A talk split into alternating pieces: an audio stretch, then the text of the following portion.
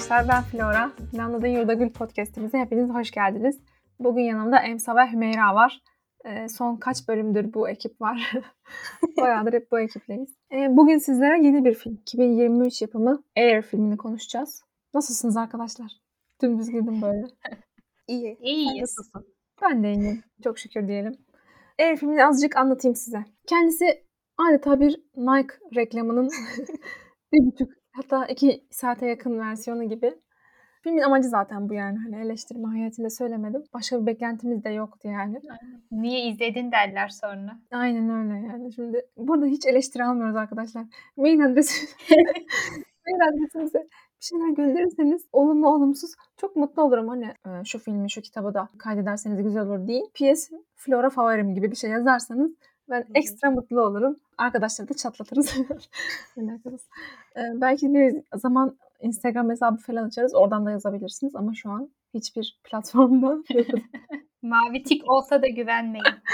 Aynen öyle, aynen öyle. Tek e, iletişim kanalımız bir e, mail hesabımız var. Oradan yazabilirsiniz. Filmimiz 1984 yılında ekonomik sıkıntılarla boğuşan bir Nike ortamıyla başlıyor. Nike ya çok özür dilerim. Nike. Film dediğim gibi 1984'te geçiyor.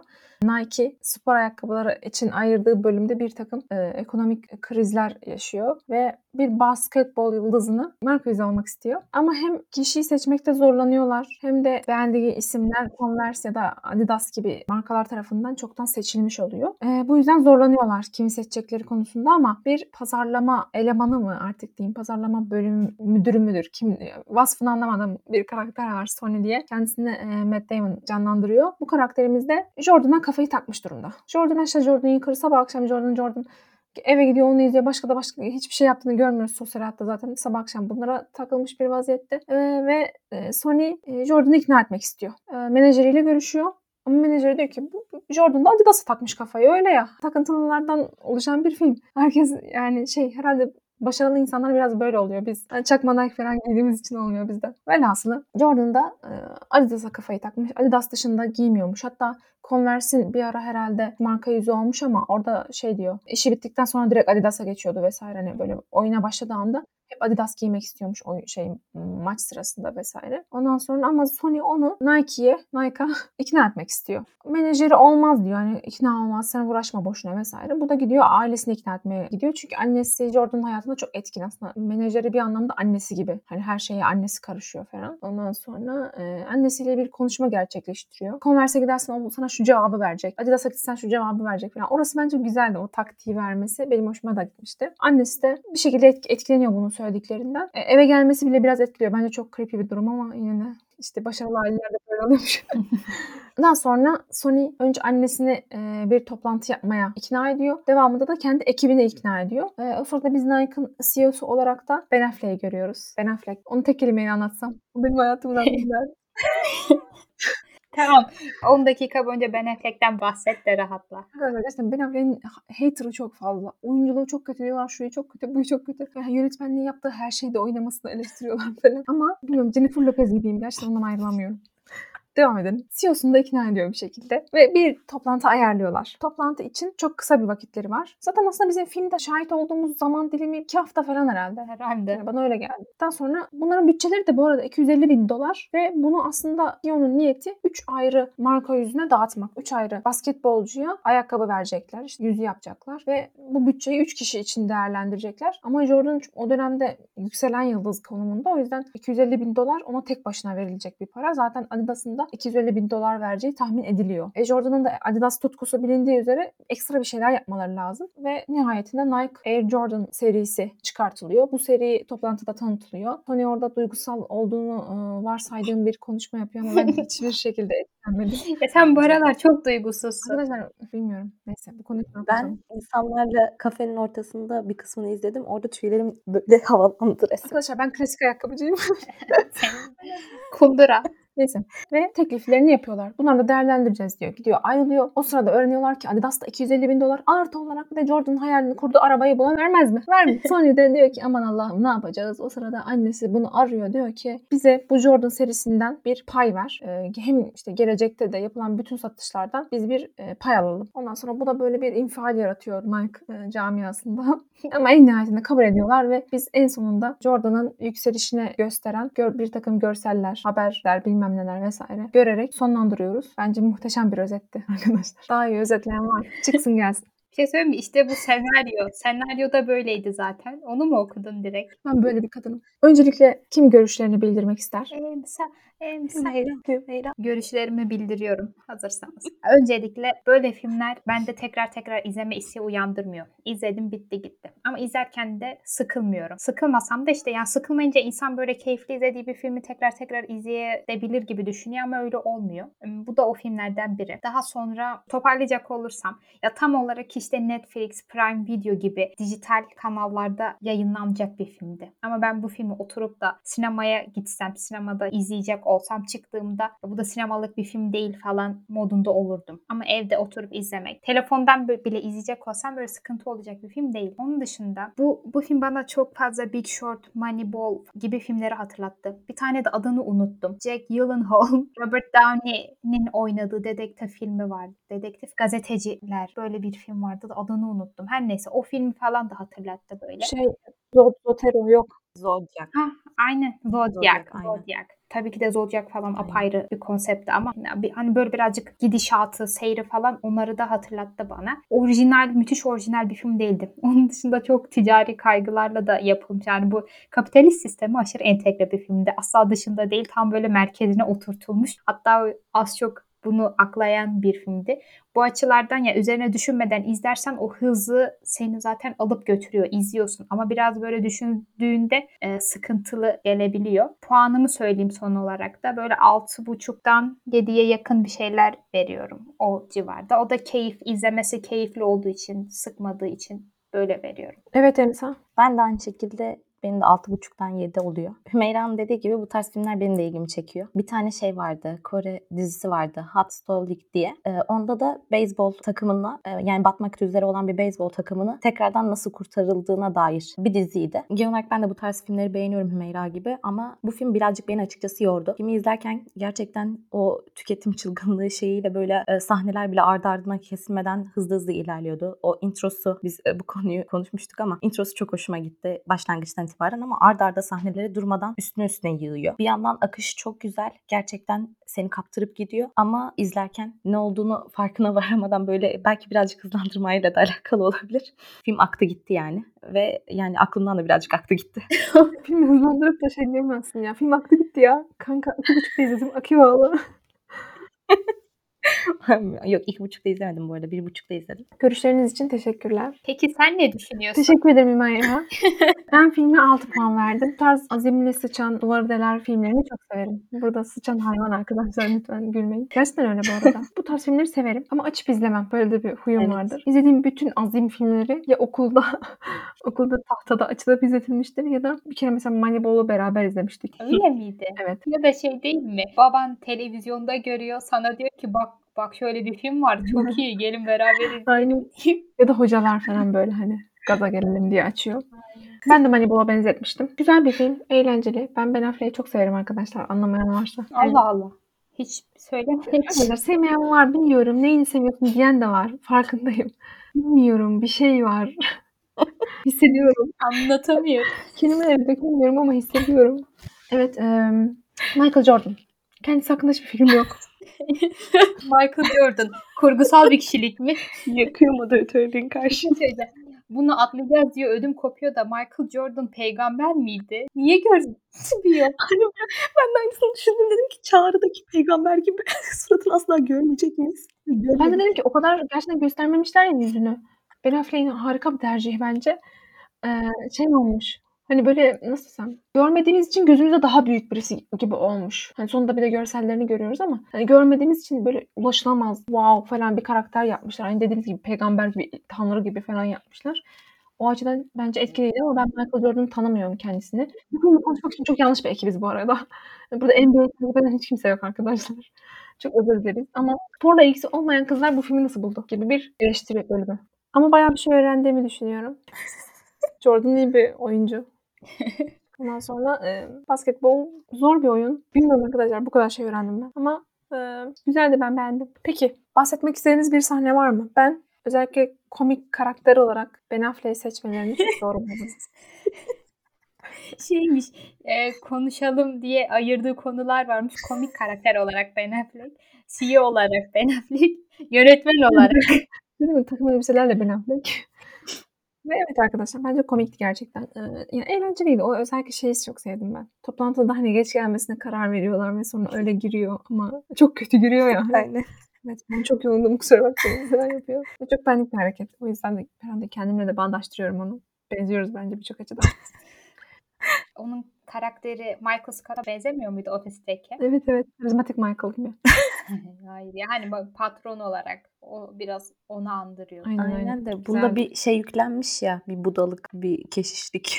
Nefesine odaklanıyor. Ha, Oralarda farklı canım. Peki şey Matt Damon'ın e, kilosu hakkında ne düşündünüz ya? Öncesinde de kilo almış mıydı? Bu film için mi bu kadar kilo aldı? Bence o son zamanlarda kilo kilolu yaşlandığından Ama film için beri. de ekstra bir kilo almış gibi. Tam bir şey emekli amca göbeği vardı. Çok fena. Bira göbeği var. Ya belki o doğru değildir şey Olabilir. eklemedi Bence yani. doğrudur. Bir de Matt Damon'ın karakterini şey gibi yapmışlar ya klasik bir Amerikan eee, şey bekar adam. Ben evli olacak diye hatta dedim ki hani bu adam evli olamaz. O yüzden evli olmaması için tüm şeylere baktım. Filmin ortasında bir yerde boşandığından falan bahsettiler. Matt Damon'ın şöyle bir havası yok mu? Böyle akıllı, marjinal bir kişilik yazıyorlar. Sonra diyorlar ki bunu en iyi Matt Damon oynar. Adamın rollerinde böyle bir hava da var yani. Good Will Hunting'den bu yana onu bırakmayan. Bu sahnenin etkileyici konuşmalarından tüyler e, dikelmeli etkilendiniz yani öyle mi? Doğru mu anladım? Yani ben şeydeyken eee, ilk neredeki konuşmasıydı? Annesine karşı Annesiyle. yaptığı konuşma mıydı? Hı hı. Onu ben Ama beğendim. ilk, ilk, ben, ilk konuşmasını Evet. sevdim yani. Toplantıdaki bence zordu yani ben beğenmedim. toplantıdaki zor değildi ama yani beni etkilemedi o kadar dediğin gibi. Evet evet yani. İlk kısımda ben bir yükseldim. Bu Jordan'a sunduğu o konuşmayı o kadar da böyle zaten bildiğimiz bir konuşmaydı ya. Bize o konuşmayı o kadar hazırladılar ki durmadan durmadan bu konuda beslediler. Sonra da o konuşmayı verince e tamam zaten bunu bekliyordum'a döndüm. Filmle alakalı ben, beni şey yapan hiç şaşırtıcı sahnesi yoktu yani. Filmle alakalı en şaşırtıcı şey hiç şaşırtıcı bir yanının olmamasıydı. Aynen. Bu kadar da beklemiyordum. Yani Aynen. bittikten sonra hani ha bu ha, Allah Allah falan oldum. Çok alışmışız bu tarz şeyler tüketmeye. Belki onunla de- alakalı. Mesela ben o, o toplantıdaki konuşmada şeyi bekliyordum. Sen unutulacaksın ama senin adın ayaklarda gezecek hani böyle unutulmayacak falan. Böyle bir şeyler bekledim ama yani hiç böyle şeylere girmedi. Aslında onu ima etti belki ama ben bu tarz şeyler duymak o- istedim. Bundan daha iyi konuştu. ne? Şu an senin anlattıklarında Senin adın ayaklar altında olacak ya. Ailenin şerefini almışsın. Hayır ya şunu demek istedim işte. Daha afilisini söyleyecektim. bence çok daha güzel bir şey söyledi. Gerçekten ölümsüzlüğü yakalamakla alakalı o söyledikleri bence tutarlıydı. Ben hani şunu demek istiyorum. Onun bu ayakkabı modeliyle ölümsüzlüğü neden yakaladığını çok vermedi ya. Sen anla ben söyleyeyim sen anla. Hani ortaya koydum masada falan gibi yaptı da. Hani istiyorum ki baksana bu seriye adını verdik hocam. Bunları herkes 7'den 70'e giyecekler. Üstelik biz bunu sadece basketbolda değil yürüyüş ayakkabısı falan hani böyle bir şeyler. Sen çok pazarlamacı kişiliğe bürünsün istedin. Ama filmi sana çok böyle tamamen bir imaj oluşturmak üzere e, vermişler. Onun istediği ne biliyor musun? Kadıköy vapurundaki salatalık soyacağı pazarlayan dayılar gibi bir şey. Zaten öyle olması gerekmiyor mu ya bunlar? Ben oğlum çok sakin geldiler. E çok bir de çabasızlar böyle hani ne bileyim. Bu arada şey olmasın ben e, vapurdan limon suyası şeyi aldım. Limonu batırıyorsun. Üçlüydü. Üç arkadaş bölüşmüştük. Ve evde denedim hiçbir işe yaramıyor. Çünkü onlar o limonları öyle bir şey yapıyorlar ki sulu sulu. Aynen. Ama abinin satış yetenekleri gerçekten ikna edici. Çok güzel konuşuyorlar. Yani. Metrolarda da var onun. Marmaraylara da biniyorlar. Burada da tekrardan şimdi filme dönmemiz gerekirse Gerekir. Yok, Hiç gerekmez. sanırım bu konudaki yeteneğine değinebilirsin. Ya o pazarlamacı değil ki zaten. Neydi? Talent Scout mu ne? Yetenek avcısı gibi bir şey. Yani aslında orada onun diğer adam pazarlamacı. Kötü saçlı vardı ya. Gerçi iyi saçlı desem ne anlam ifade edecek Ben bilmiyorum ama. Affleck'in mesela o anlaşılır. Bu Hot Stuff, Hot Stuff dediğim e, Kore dizisinde de beyzbolcuları keşfediyorlardı. Orada da yetenek avcısı gibi kişi vardı ve hem bir yandan o beyzbol şirketini kurtarmaya çalışıyor hem de e, yeni yetenekleri avcı Avlıyor. avlayıp yeni yetenekleri avlayıp yeni yetenekleri avlayıp spora kazandırıyordu. Burada çok daha farklı bir şekilde ele almış. Daha çok gerçekten bir ima- imaj oluşturma, bir marka yüzü oluşturma ama bir yandan da ben bir makale üzerine uğraşıyordum. Diyeyim, o makalede tüketim toplumu üzerine bayağı bir e, okuma yaptım. Onda mesela gösterge toplum diye bir şey vardı. Gösterge topluma göre insanlar aynı zamanda bir ürün aldıklarında mesela Dyson süpürge alıyorlar. Dyson süpürgenin o süpürge e, temizleme işlevinin yanında aynı zamanda sen o Dyson'ın prestijini, konforunu da satın alıyorsun. Yani ürün nesneden soyutlanmış oluyor. Yani senin tükettiğin şey sadece o ürün değil, aynı zamanda onun verdiği sana imajı tüketiyorsun. Bu da bu filmdeki bence gayet yüzümüze soka soka verdikleri mesaj. Buna dair de işte bu Jordan'ın tüketimi gibi. Yani Jordan bizim için gerçekten e, sadece bir ayakkabı değil, tüket yani sahip olması gereken bir objeye dönmüş. Amerikan rüyası dediği vardı ya, o sahnede falan da yani. Bence güzel işlemişler bu konuda. Gerçekten hikaye çok klasikti ama hikayeyi işleme konusunda bence başarılı bir filmdi. Başarılı derken olanı gösteriyor olarak. Sıkmadı yani. Başarılı. Açıdan. Yani bence hem olanı gösterme hem de bence şey açısından güzel. Akıcıydı yani. Seni şey yapmıyor. Tam beni yordu dedim dediğim gibi. Hani yorucuydu birazcık sahneler çok sıktı ve iki saatlik bir film tabii ki ım, daha yıpratıcı olabilirdi. Ama o kadar yıpratıcı da değildi. İzleme keyfimi devam ettirdi yani. Hani arzumu izleme eğrisinde çok da düşmedim hiçbir zaman. İzleme isteğim hep devam etti. Sadece kafam çok doldu film bittiğinde. Yani bir dakika içinde 200 sahne izlemişim hissiyatına girdim nedense. O yüzden yorucuydu. Yoksa bence hikayeyi işleme Sen bugün biraz yorgunsun o yüzden böyle hissettin. olabilir. Ha, Çünkü basit Olabilir. filmde. Belki iki gündür az bir uyku çektiğim için olabilir. Ondan olabilir. Bir de tamamen bu sistemi bir tamamen demeyeyim de bazı açılardan daha insani gösterme çabası da var gibi geldi. Sunny'nin karakterinden de işte Phil'in de aynı şekilde ya da diğer o ekiptekilerin de böyle karakterlerini ya da kendi hikayelerini de az buçuk bir yerlere sıkıştırarak bu sistemle ilgili bir şey değil de sanki bu tek tek bireylerin bir hikayesinin toplamıymış gibi sunuyorlar. Ama bana bu ya bu işte bu da bir pazarlama tekniği gibi geldi. Burada da demek istediğim şu. Tamam Sunny'nin hesabını sanki şey gibi tutkulu aşırı basketbola ve de işte bu tutkusu onu itiyor. Bu tüm bunlara ya bu olabilir gerçekten tutku, tutkusunu da adamın küçümsemiyorum ya da hani yok demiyorum. E, Ama bundan ibaretmiş gibi tüm bu işler. Bir markayı kurtarmak, onun kar kısa vadede karını arttırmak. Tüm bu hesaplar. Bir de sadece adamın tutkusu da değil aynı zamanda şirketin akıbetini de geleceğini de kurtarma kaygısı. Hani tüm bu anlaşma yapılacak mı yapılmayacak mı kısımlarında işte gelgitlerin olduğu taraflarda Sunny bakıyor ekibe ya da daha önce ya adamın adını unuttum. Evet. Diğer adamla bir konuşması vardı ya kızına işte her hafta ayakkabı götürüyormuş. Hani o da ne kadar önemli. İşte ha, bu şirket nasıl da insan şirket ve de çalışanlar arasındaki o bağın da aslında ne kadar böyle insani olabileceğini gösteriyor bir yandan. Adam anlaşma Sunny anlaşma olmayacak diye endişelenirken çalışanlara bakıyor. Evet hepsi şu an bu hepimizi ilgilendiren, hepimizin geleceği gibi böyle e, algılıyor. Ama tüm bunlar palavra. yani tabii ki de bunlar doğru hikayelerdir de. Jordan ailesiyle arada geçen muhabbetler şunu koruyalım, bunu koruyalım. İşte tabii ki de bu sistem böyle ama önüne bir taş koymamız gerekiyorsa biz koyacağız taşı. Aynen olabilir. Ama onun dışında ya bundan da izleyip de keyif al bunu da tüketeceksem yani hiç düşünmeden ne bileyim bir de bir düş- düşünmemiz gerekiyor diye de öyle aklıma geldi. Şey vardı ya, kötü saçlı adamın bir sahnesi vardı işte o kız kızıyla ilgili olan şeyden bahsetmeden önce. I was born in USA mıydı? Şey şarkının. Burn in the USA. Ha, aynen. Hani o şarkıda aslında bize tamamen Amerikan rüyasının ne kadar hikayeleştirilerek e, güzel bir şey de olsa aslında arkasında herkes farkında ki Vietnam'da ya da farklı bir yerde başka bir yerde bir acısı çıkıyor ya da başka birisinden onun acısı çıkartılıyor ya da topluma muhakkak bir zararı var. Ama e, dediğin gibi rüya devam etmeli.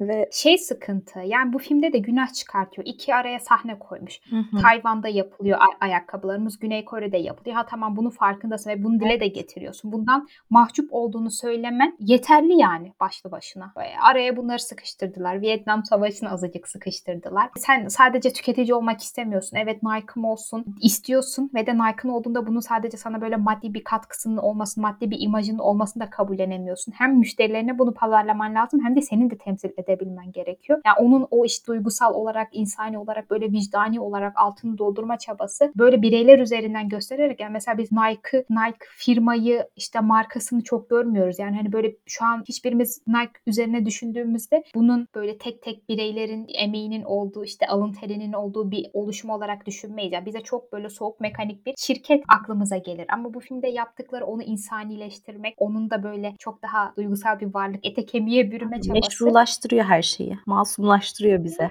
Hani evet ya bu, bu, bu mu yani gibi. İşte mesela Jordan ailesinin paralarını kazandıkları gelirlerinin bir kısmını bağışlıyorlar. Hikayesi de aynı şekilde. Ve oradaki şeyi gördünüz mü? 16 milyon yıllık kazancı var diyelim işte 16 milyon. Sunulan ise toplamda yıllardır sahibinin işte CEO'nun bağışladığı şey yıllardır 2 milyon. Hani bu kadar yıllardır kazandığı yıllık kazancından sadece 2 ve bunu öyle bir süsleyerek sunuyorlar ki sanki adam çok büyük bir bağışçı, dünyayı kurtarıyor. Çektirdiği hiçbir şey yokmuş gibi. Yani bilmiyorum bir şeyleri bu kadar masum göstermeleri sinir bozucu bir yandan. Ama hikaye bu.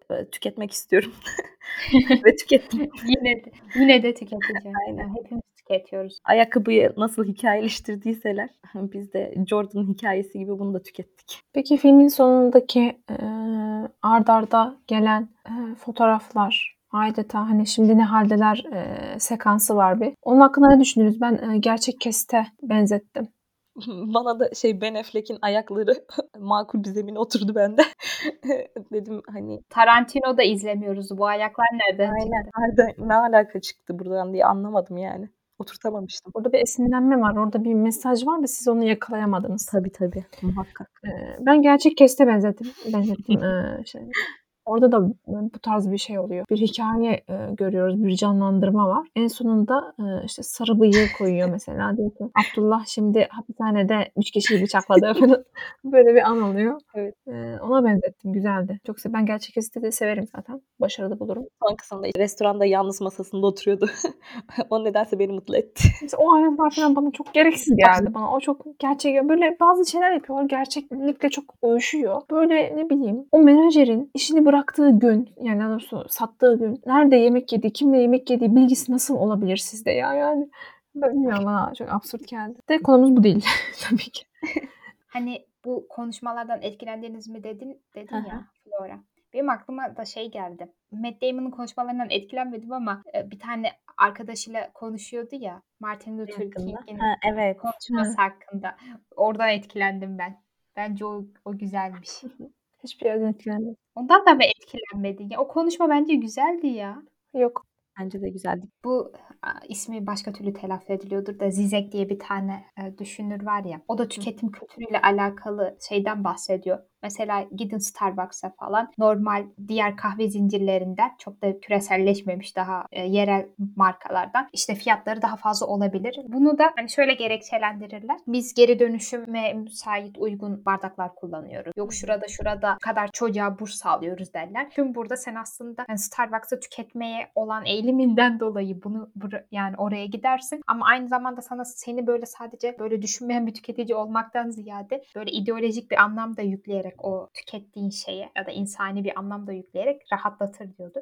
Bu filmde de işte az buçuk yapılan hani buydu. Film olarak bunun yapılması. Bir film yapıyorsun bunun üzerine kuruyorsun. O, o açılardan. Tüm hikaye buydu Aynen. gerçekten. Yani sonra hani o konuştukları ayakkabı özel olsun, işte herkes için ulaşılabilir olsun. Hani bahsettiğimiz bir kısım vardı ya. Ya bir yandan çok özgün olsun, bir yandan da herkese pazarlansın. İşte bir Air Jordan'ım olsun diye çabala çabala. Daha sonra bunu Hı al. Çünkü sana özel hissettirecek kendini. Öte yandan zaten tonlarca insan aynı şey için uğraşıyor. Yani Evet. bir yandan hani şey de bana çok sıkıntılı geliyor. Çelişik de. Yani Mrs. Harris'le konuşuruz diye düşünmüştüm ama o zaman herhalde konuşamadık. Mesela orada da Dior'un daha lüks bir marka, hala lüks bir marka da daha böyle ulaşılabilir olmaya yönelik bir hamle vardı. Ya bu evet sağlandı ama bu gerçekten iyi bir şey mi? Yani her şeyi herkese ulaşılabilir yaptığında yani demek ki daha fazla insanı bunun için çalışmaya mecbur bırakacaksın. Yani daha fazla Evet. insanın hayatına girecek. Daha fazla insan bunun için uğraşacak, edinecek, çırpınacak ve de bu sistemin bir çarklısı haline gelecek. Bu Henry Ford'un e, Fordist üretim tarzında işte tek tip üretim ama e, kitleleri tatmin edecek şey seri üretime geçiliyor ve tek bir tane tipte herkes üretiliyor. Ama bu üretim o kadar fazlalaşıyor ki art, e, üretilen malları tüketebilecek kadar bir kitle yok. Yeni kitlenin oluşturabilmesi için de onları üreten işçilerin tekrardan diyorlar ki hani biz bunları zaten çalışma vakitlerinde bir şekilde karşılıyoruz. Artık diyorlar ki bunların çalışma vakitleri dışında da biz bunları nasıl kullanabiliriz? Ve onların da artık piyasayı kazandırıyorlar. Aslında post for this dedikleri işte artık tüketiciler herkeste olandan değil de artık onlarda yeni bir şey ürün arzusu, diğerlerinden farklı olacağım, daha çeşitli ürünler arzusu duyuyor ama aslında bir yandan da herkeste olana ulaştıkça ne kadar ayrışacağım derken tam tersi onlarla birlikte aynı şeye dönüşüyorsun. Ve her şey olayım derken everything'de konuştuğumuz hiçbir şeye dönüşüyorsun. Aslında kimliksizleşmeye de götürüyor kendi içinde bu. Bilmiyorum çok her şeyiyle içinde çelişkiler barındıran bir durum. Ama bize pazarlığın şekliyle de tamamıyla sanki bizi belirleyecek işte bizim imajımızı, bizim kendiliğimizi, bizim benliğimizi oluşturan şeyde sahip olduğumuz o ürünler ya da sahip olduğumuz o dediğin gibi işte vegan anlayış ya da yaşam tarzımızda seçtiğimiz meşrulaştırıcı vicdan e, düşünceleri vesaireyle kendi kendimizi masum hissedip onu da tüketiyoruz. Çok garip bir döngü. Bir de mesela bu Air Jordan'dan önce yine Phil'le Sunny arasında geçen bir muhabbetti galiba. Basketbol grubu bitecek artık diyor. Çünkü hani insanlar neden yani buna talep o kadar da yoğun değil. Hatta şeyden bahsediliyor ya rapçiler Adidas giyindiği için hani Adidas'a şu an Adidas daha cool ama Nike öyle değil diye de konuşuyorlar. Ama şu an geldiğimiz noktada herkes az buçuk Air Jordan alayım ya. E, çakması bile çok fazla yani. Hani pazarda da gitsen evet çakmaları var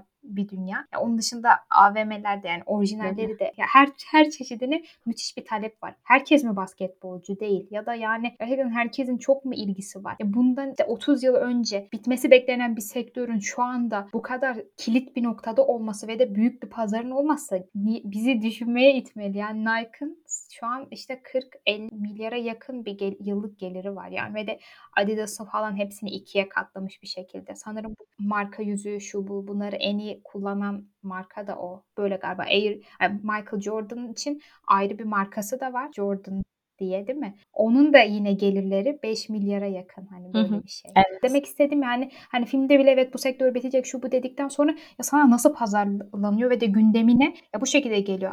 Hani spor olarak takip etmek farklı bir şey ama yani bunun e, gerçekten bu şekilde hayatının böyle bir bilmiyorum ya çok böyle önemli bir noktası haline gelmesi, herkesin odağına dönüştürülmesi Aa, çok şey acı acı bir yandan. Bir de bunu şey annesinin o e, şey vardı ya Sunny ile e, her ayakkabı parçasından e, bir yüzdelik alma, satış payı almayacak. Oradaki ben mantığını anlamadım yani. Nasıl bir- e, kadın diyor ya hani her genç bunu satın alacak her genç çocuk için alışveriş merkezlerinde günlerce çalışıp bunu satın alacak her genç çocuk için orada Jordan simgelenecek ve e, o yüzden de Michael Jordan'ın buradan pay alması gerekiyor. Nasıl bir mantık? Ben anlamadım. Orayı çözemedim. Sadece onun hikayesini satın almaktan bahsetti mi? O bile bende oturmadı mesela o meşrulaştırma alanı. Yani aslında diyor ki sen satın aldığın her şeyde benim oğlumu da satın alıyorsun. Onun görselini satın alıyorsun. Onun bir verisini satın alıyorsun. O zaman benim de hakkım var. Aynen. Kastettiğim o. Bu, bu şekilde ama söylemiyor. Sanki söyleyiş tarzı e, biz orada gençlere bir şey oluşturuyoruz. işte bir hayal oluşturuyoruz. söyleyiş tarzlarıyla alakalı bir problem var. Ben o sonundaki konuşmadan da bu yüzden etkilenmedim. Herkesin ayağında olacak desem ben tüyler diken diken olacak. Ya bence oradaki sıkıntı da işte gençler iki hafta falan uğraşacak. Bak bu cepte uğraşacaklar. Tüm maaşını ona yatıracaklar. O zaman Aynen. bu, bu her şekilde olacak bir şeyse bari senin şirketinin sadece karını artırmak için olmasın. Oradaki o duygusal motifi de Michael Jordan'ın şahsiyetinde topluyor. Yani orada Hı. artık o Borcundan bir şey almak. aynen tüketiciyle tüketilen şey arasındaki o duygusal insani bağ Michael Jordan'ın imgesi üzerinden kuruyor. Kendi de bundan İşte. faydalanıyor. Kastettiğim bu. Bunu bu şekilde e, kendi çıkarı için olacak bir şeyi sanki e, hikayeyi daha anlamlı kılacak bir şeymiş gibi sundu ya. Yani çok uyumsuzdu, çok uyumsuzdu. Orada o kadar sırıtan bir şeydi ki yani hikayeyi anlamlaştıran bir şey değildi ki. Ya Allah için onu koysalar işte biz yüzde bilmem kaçını istiyoruz diye diyecekler ki bunlar da ne para gözmüş bak herkes işinde herkes yolunda Aynen. falan diyecekler. Orada arada bir iki duygusal e, söz sıkıştırıp telafi ettiler yani. Benim aklıma geldi bu şeyde biliyor musunuz? Hani pay alması mevzusunda. Bir ara e, bu ünlülerin özellikle şarkıcıların kitap çıkarması çok meşhurdu. Hatırlıyor musunuz? Evet. İşte Justin Bieber'ın bir de Justin Bieber konserlerini anlattığı bir kitap ve fanları alıyor. One Direction falan. Şeyma'nın mesela. Ondan sonra böyle kitaplar çok fazlaydı. Hala var. Herhalde BTS falan bunu çok yapıyor.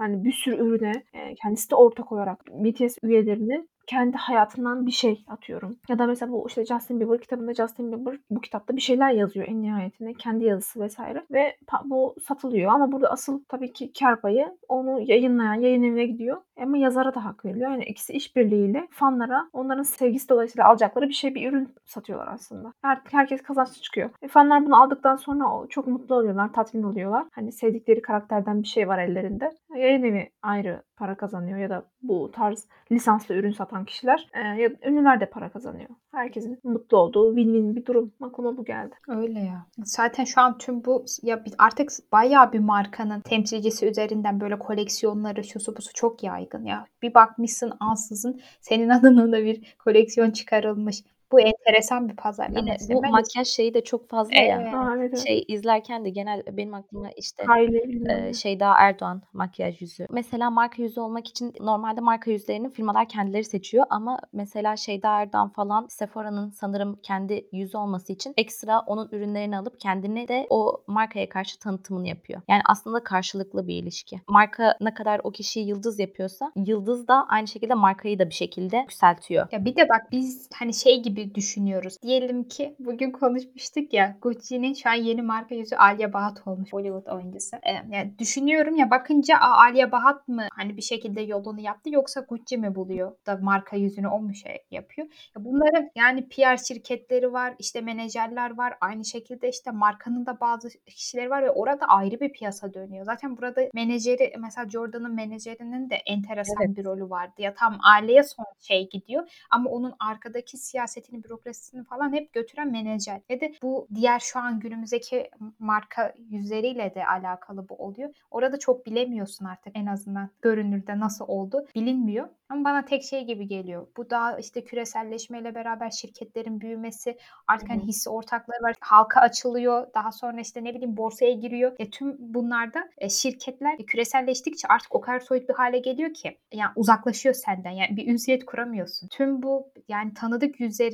marka yüz yapmalarıyla da daha s- işte tüketicilere bunu sempatik kılmaya çalışıyorlar. Daha farklı ba- bağlar kurmuş oluyorlar. Çok çakalca bir taktik. Bu arada şeyi kontrol ettim Fenty'ymiş.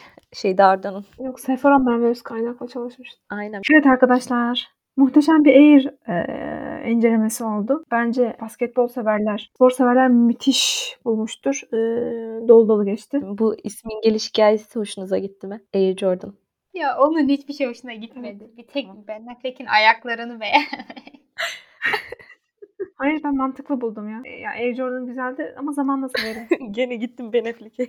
Peki bir şey söyleyeceğim. Yönetmenliği hakkında ne düşünüyorsun? Bak hiçbir şey demedin. çok ya. güzeldi. Gelişiyor sanki var ya. Kaç yıldır sektörde. Adam hala gelişiyor. Yani inşallah olgunlaşacak diye umut ediyorum. Film size Ben Affleck hissiyatı vermedi mi?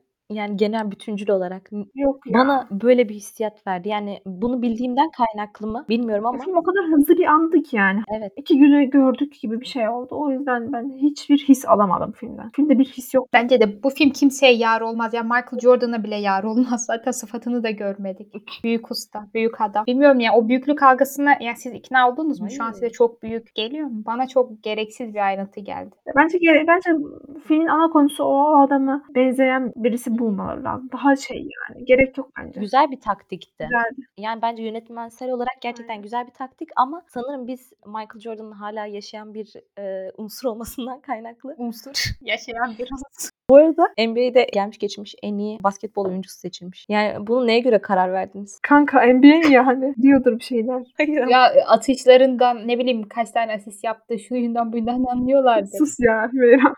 Atışlarından anlatılıyor. Saymıyorlar mı? Kaç tane işte basketi var, Kanki yok var. kanki mesela bakıyorlar. Zıplıyor ya mesela. hani, Kaç zıplıyor. metre zıpladı? Adam diyor ki bu çok iyi zıpladı. Bu gelmiş geçmiş unsur. Evet arkadaşlar ekleyecek bir şeyiniz yoksa bu bölümü kapatalım. Bu spor dolu, spor ilmiyle yoğrulmuş bölümü kapatma vakti. Biz dinlediğiniz için teşekkür ederiz. Bir dahaki bölümde görüşmek üzere. Hoşçakalın. Esen kalın. Görüşmek üzere.